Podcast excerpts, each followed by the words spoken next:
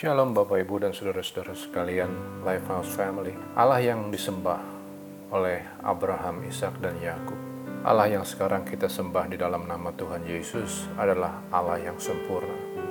Adapun Allah, jalannya sempurna, kata 2 Samuel 22. Allah yang sempurna itu kemudian memiliki rencana yang juga sempurna bagi kita. Dikatakan dalam 1 Petrus 1 ayat 3 bahwa terpujilah Allah dan Bapa Tuhan kita Yesus Kristus, yang karena rahmatnya yang besar telah melahirkan kita kembali oleh kebangkitan Yesus Kristus dari antara orang mati kepada suatu hidup yang penuh pengharapan. Apa sih kehidupan yang penuh pengharapan itu?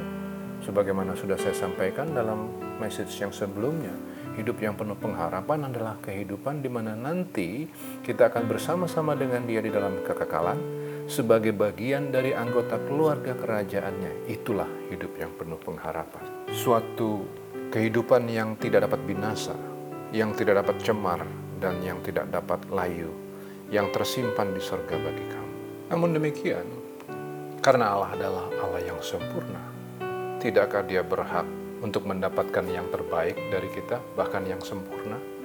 Nah problemnya adalah hari ini, kalau kita dipanggil hari ini. Mungkin banyak di antara kita yang belum sempurna. Untuk itu Allah harus menyempurnakan kita. Ia menghajar kita dengan banyak masalah. Saya mau ibaratkan bahwa kehidupan itu adalah seperti kapten kapal yang mau membawa kapal besar melalui samudra Atlantik, samudra yang terkenal dengan ombaknya. Kapten kapal yang seperti itu, dia harus belajar untuk mengarungi laut yang berombak besar. Dia nggak bisa hanya sekedar belajar menjalankan kapal di danau yang tidak berombak. Nggak bisa. Maka kalau hari ini kita dibentuk dan diizinkan Tuhan dihajar dengan banyak masalah, kita harus bersikap dengan benar. Dalam 1 Petrus 1 ayat yang ke-6 diberitahu bagaimana sikap yang benar ketika hari ini kita harus menghadapi banyak hajaran Tuhan. Bergembiralah akan hal itu. Sekalipun sekarang ini kamu seketika harus berduka cita oleh berbagai-bagai pencobaan. Jelas, ayat ini menunjukkan bahwa tidak ada janji apa pun kepada orang percaya bahwa hidup di dunia ini akan mudah.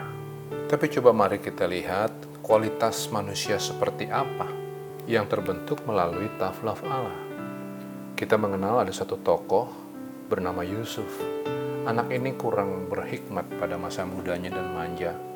Suatu kali ia menceritakan mimpinya. Dia berkata, coba dengarkan mimpi yang kumimpikan ini. Tampak kita sedang di ladang mengikat beras berkas gandum.